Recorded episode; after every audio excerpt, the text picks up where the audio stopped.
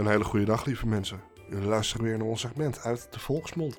En vandaag zit ik hier weer met een fantastische, rijkelijke Maya. Rijkelijk. Rijkelijk. Wat is dat dan? weer? Ja, dat, ik, ik wil rijkelijk gebruiken. Ja, waarom? Ja, dat past mooi bij het sprookje. Wat is het sprookje? Weet je niet wat sprookje is? Nou, jawel, maar ik dacht van, dan ga jij zeggen wat oh, oké. Een sprookje is de koning en de arme violist.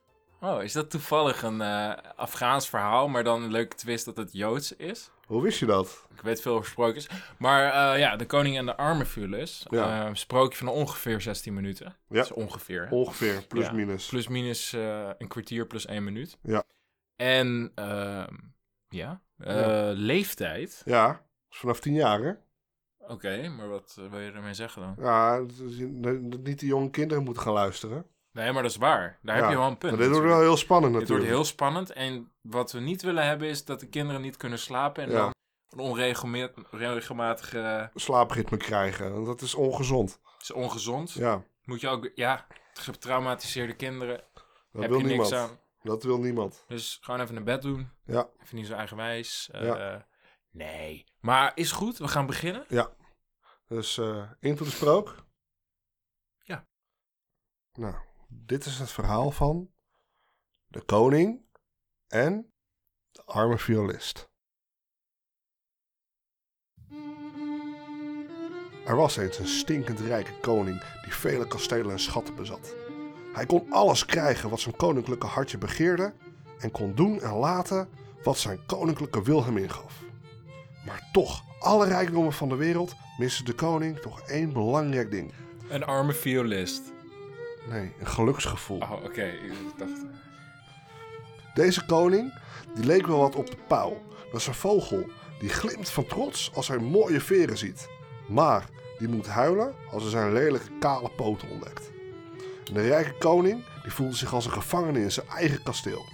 En op een goede dag besloot hij al zijn bezit achter te laten, zijn koningsmantel te verruilen voor de kleren van een eenvoudige boer.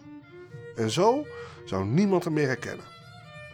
Toen ging hij op zoek naar het geheim van geluk naar iemand die werkelijk gelukkig was. Koning die reisde door vele steden en dorpen en hij klopte her en der aan en hij vroeg: Hallo, mag ik even wat vragen? Bent u een gelukkig mens? Maar elke keer opnieuw was het antwoord. Ach, wij zijn vreselijk arm. We hebben in dit land niks anders dan een stinkend rijke koning. Geluk? Dat moet hier nog uitgevonden worden. En als we ooit geluk vinden, dan zou het bij ons niet oud worden. De koning die trok teleurgesteld verder en probeerde steeds opnieuw bij boeren en buitenlui, bij burgemeesters en baronnen. Maar niemand voelde zich erg gelukkig. Overal waar hij keek zag de koning slechts sombere gezichten, van verdrietige kinderen tot ploeterende oude mensen. De koning die wilde zijn zoektocht al opgeven toen hij na vele omzwevingen tenslotte een klein dorp tegenkwam. Daar zou het nog een laatste keer proberen. Hij liep naar het dorpsplein, dat helemaal vol stond met allerlei marktkramen, kooplui en ambachtslieden die schreeuwden met rood aangelopen hoofden om een koopwaar aan de man te brengen. Maar hoe de koning ook keek, hij zag nergens een enkel opgewekt gezicht. Zijn zoektocht was mislukt. Daarom besloot de koning maar huiswaarts te keren. Hij dacht bij zichzelf: Geluk? Geluk is blijkbaar voor niemand in mijn koninkrijk weggelegd. Dus ook niet voor mij, denk ik. De koning was al buiten het dorp gekomen en toen zag hij ineens een klein, krakkemikkig huisje. Hij had er totaal geen aandacht aan gegeven Geen aandacht. als er niet uit de hut een prachtige melodie had geklonken. Nieuwsgierig liep de koning naar het raam van het huisje en hij zag er een man zitten die op een oude viool speelde. De man die zag er zo uit als een arme sloeber. Maar hij leek wel plezier te hebben. De koning die kon zijn ogen niet geloven. Hij besloot ook om aan deze arme violist zijn vraag voor te leggen. Zeg, eh, dat is een mooi spel wat u er heeft. Ehm, ik had een vraag. Eh, voel je vrij om te antwoorden. Bent u een gelukkig mens? De violist die antwoordde. Ja, want ik heb al het geluk van de wereld. Verbaasd vroeg de koning. Oh, Nou, leg me dat eens uit, want ik begrijp er echt helemaal niks van. Je hebt in dit huisje helemaal niets dat van waarde is. Je bent kromgetrokken en versleten, net als je viool. Hoe kan je dan toch zo gelukkig zijn? Nou, moet jij eens luisteren. Het is heel eenvoudig. de violist. Elke ochtend voordat ik van huis vertrek, dan bid ik. Heer de wereld, gezegend is uw naam, zeg ik dan. Dank u, Heer, dat wij niet langer slaven in Egypte zijn en dat we vandaag vrije, als vrije en gelukkige mensen mogen leven. Wilt u vandaag aan mij en aan mijn gezin denken? En als ik op straat viool ga spelen, dat is mooi. Dan heb ik s'avonds precies genoeg geld als ik nodig heb eigenlijk. Genoeg om de dag eh, door te komen. Genoeg om eten te kopen voor mijn vrouw, kinderen. Zelfs genoeg voor een kruikie heerlijke wijn. Lekker hoor, en dat vinden zwervers lekker. Elke maandag is een groot feest en elke maaltijd ook. En s'avonds, dan dank ik God, want dat is my guy, in de hemel, voor het geluk van die dag. Dit is mijn geheim. Je moet elke dag steeds als de beste dag zien. En elke avond zul je tonen hoe je dag geweest is. Dat is mijn geheim. De koning die luisterde ongelooflijk naar dit verhaal en stikte van jaloezie. Jeetje mina, dit is... Hij is aan het raaskalken. Heb ik daar de hele tijd naar lopen zoeken? Ik kan gewoon niet geloven dat geluk zo eenvoudig kan zijn als deze zwerver doet voorkomen. De koning die dacht toen bij zichzelf. Ja, moet je eens la- Ik zal deze vrome violist eens op de proef stellen met zijn goede gedrag. We zullen wel eens zien of hij dan zich net zo gelukkig voelt als hij doet voorkomen. De vorst die ging terug naar zijn kasteel en die bedacht een plan. De volgende morgen vaardigde hij een bevel voor het hele land. Vanaf heden is het verboden om in het openbaar viool te spelen. Ja, dat vind ik lullig. Dat is lullig. Nee, maar dat is niet aardig voor die Dat is violist. Echt niet aardig. Dan Dat ontmoet doet- hij hem net Ja. En, dan, en dan doet hij zo. Ik zou niet meer vrolijk zijn dan. De overtreders van deze wet die komen in de gevangenis. De koning die liet dit besluit op elk dorpsplein in het land aanplakken. De violist die ging die morgen niets verboenend met zijn viool naar het plein. Daar zag hij tot zijn grote verbazing een aanplakbiljet met het verbod. Ja, wat moet ik nou weer doen? Vroeg hij zich af. De man die besloot te bidden. Daarboven. Dit is voor jou. Heer der wereld. Ik ben een arme violist. En nu mag ik niet langer de kost verdienen met spelen op straat. Maar ik heb nergens anders voor geleerd. Ach, wilt, wilt u ook deze gedag weer als een gelukkige dag maken voor mij? Denk aan mij en denk aan mijn gezin.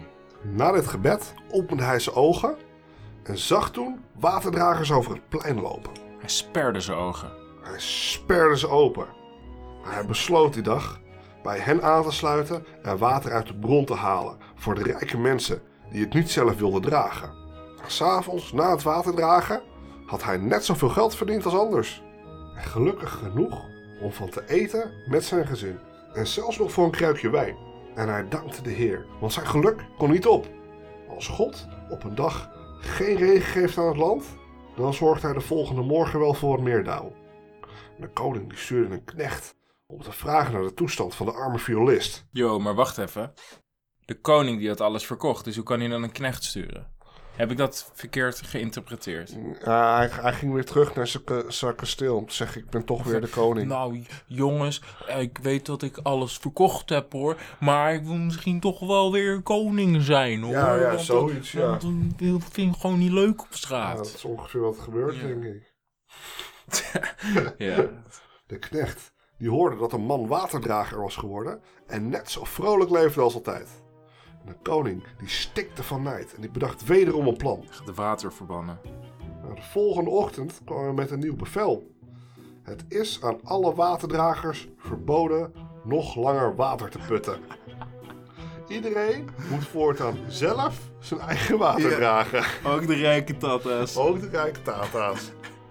En de overtreders van deze wet, die komen in de gevangenis. Zonder te betalen. En nou, na zijn ochtendgebed ging de violist opgewekt, zoals altijd, naar het dorpsplein. En daar las hij tot zijn schrik het nieuwe bevel van de koning. Nou, wat is dit weer zo'n bord? Dat is pech. Wat moet ik nou weer doen? Dacht de violist, die nog maar net een waterdrager was geworden. Deze is weer voor jou, heer de wereld. Komen we weer. Ik ben een arme sukkel. Maar, wilt u ook deze dag tot een gelukkige maken? Zodat ik mezelf niet als slaaf hoef te verkopen, want dat is het laatste waar ik en mijn gezin op te wachten zitten. Denk aan mij en mijn gezin wederom. God, amen. Wat is dit allemaal, jongens? Al die borden.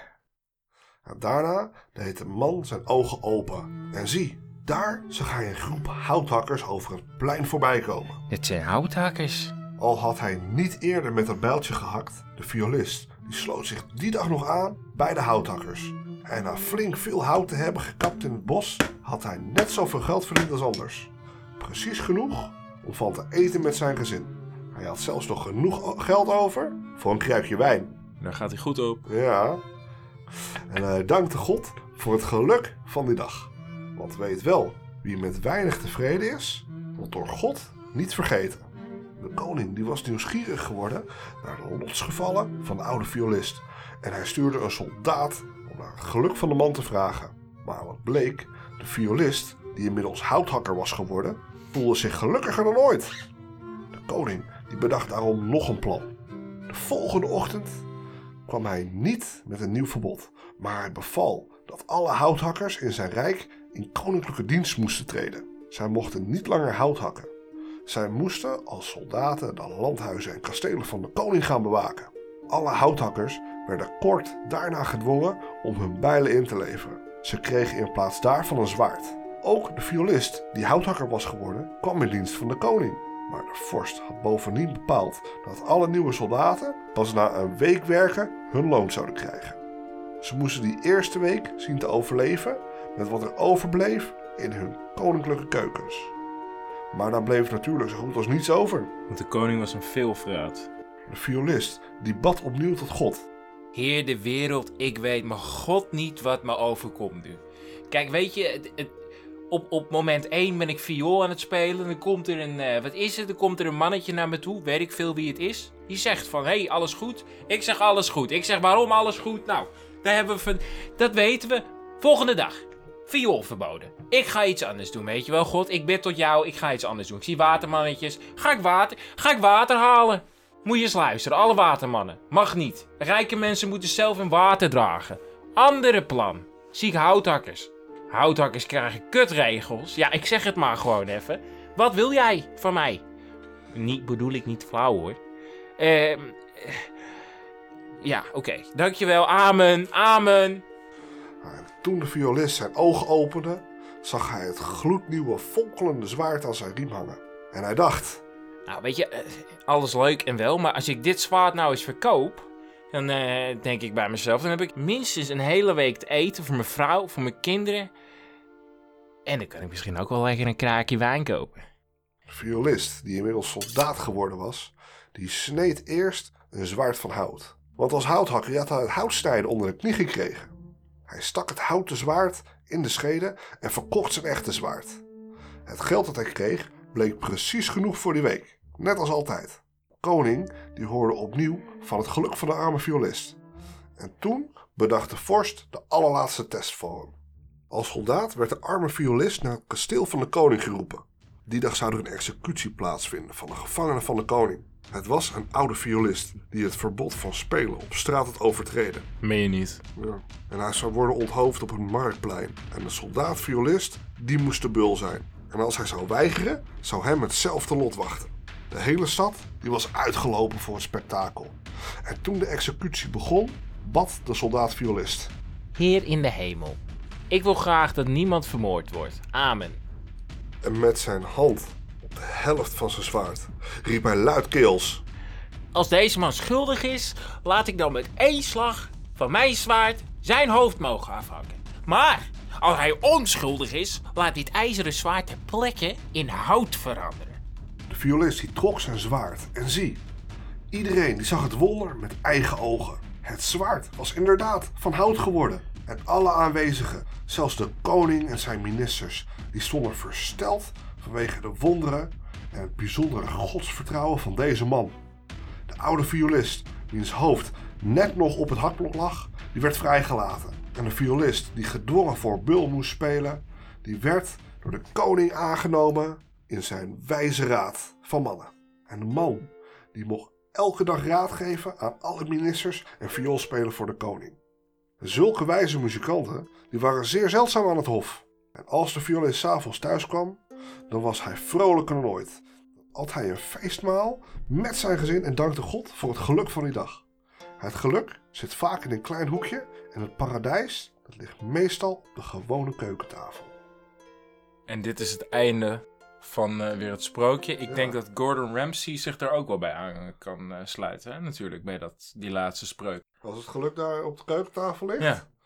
Nou ja, ik bedoel, als je hem ziet in de keuken, dan Ja. is hij heel boos. Dus ik denk niet dat zijn geluk daar ligt. Nee, maar het geluk ligt het, bij hem ligt het hem in het koken. Oh ja, Hij heeft gewoon een grafhekel aan mensen. ja dat zou kunnen. Ja, en als ik zo, zeg maar, die, eh, zeg maar, een beetje kan kijken naar het sprookje en ga kijken naar hoe die violist zich moet voelen. Ik Ja. begrijp wel dat hij zo'n apathie heeft tegen die rotkoning. En ik begrijp niet dat hij nog steeds viool wil spelen voor de koning. Jij wel? Hij is niet echt aardig tegen hem geweest. Hij heeft gewoon letterlijk iemand laten onthoofden bijna. Nou ja, hem- maar, maar, maar hij kan nu wel meer wijn kopen. Want ik denk wel dat hij een loonsverhoging heeft Hij gehad. kan een wijnkoeler kopen. Toch? Ja, Wijnkoelert. wijnkelder. Jort Kelder. Ja, die zou je lozen met de kelder. Ja. Ja, met zijn uh, bretels. Ja. Maar eh, ga jij nog een eh, toelichting uit je hoofd doen? Ja, Top. oké. Let's go. Is goed. Doe de toelichting. Toelichting. Een verhaal uit de mondelinge traditie van de zogenoemde bergjoden uit Afghanistan. In het oorspronkelijke verhaal is een schoenmaker de hoofdpersoon. Maar er is een violist van gemaakt. Dat vind je leuk? ik, ik, ik, ik, ik, ik weet niet waarom, maar ik vind het... waarom is er een violist van gemaakt? Ik weet het niet. Ik weet ook niet wie de violist ervan gemaakt heeft. Iemand Maar het is gewoon gewoon een violist ja. van dit verhaal Ja, ja. Wij zijn op de violistenversie gekomen. ja, maar beter de violistenversie dan de terroristenversie. Ja. Oké. Nou, dan eh, is dit denk ik het einde. Ja, ik denk het ook. Ja, Afghanistan, Joods, Ja. ehm, violist. Ja. Dus tot slot, wat voor cijfers zou jij het sprookje nog geven? Oeh. Ik geef het een waterdrager, een houthakker en een violist uit het Koninkrijk. Oké. Ja, dus een 3 uit eh 4. Oh. En jij? Eh, geef ik er gewoon een 8, oké? Ja, Van de 10. vanwege? Dus dat moet wel een betekenis hebben natuurlijk. eh. Eh, Ja, acht, sna acht snaren op de viool, toch? Ja, Ja, oké. de viool. ja, fantastisch. Doe ik het voor. Ja, oké, Ja. top. Nee, nee, helemaal goed. Ja, lekker. Lekker stoeltje. maar wacht even, zo Ja. even... Toedeloe! Oké, naar de wc. Doei. Doei doei.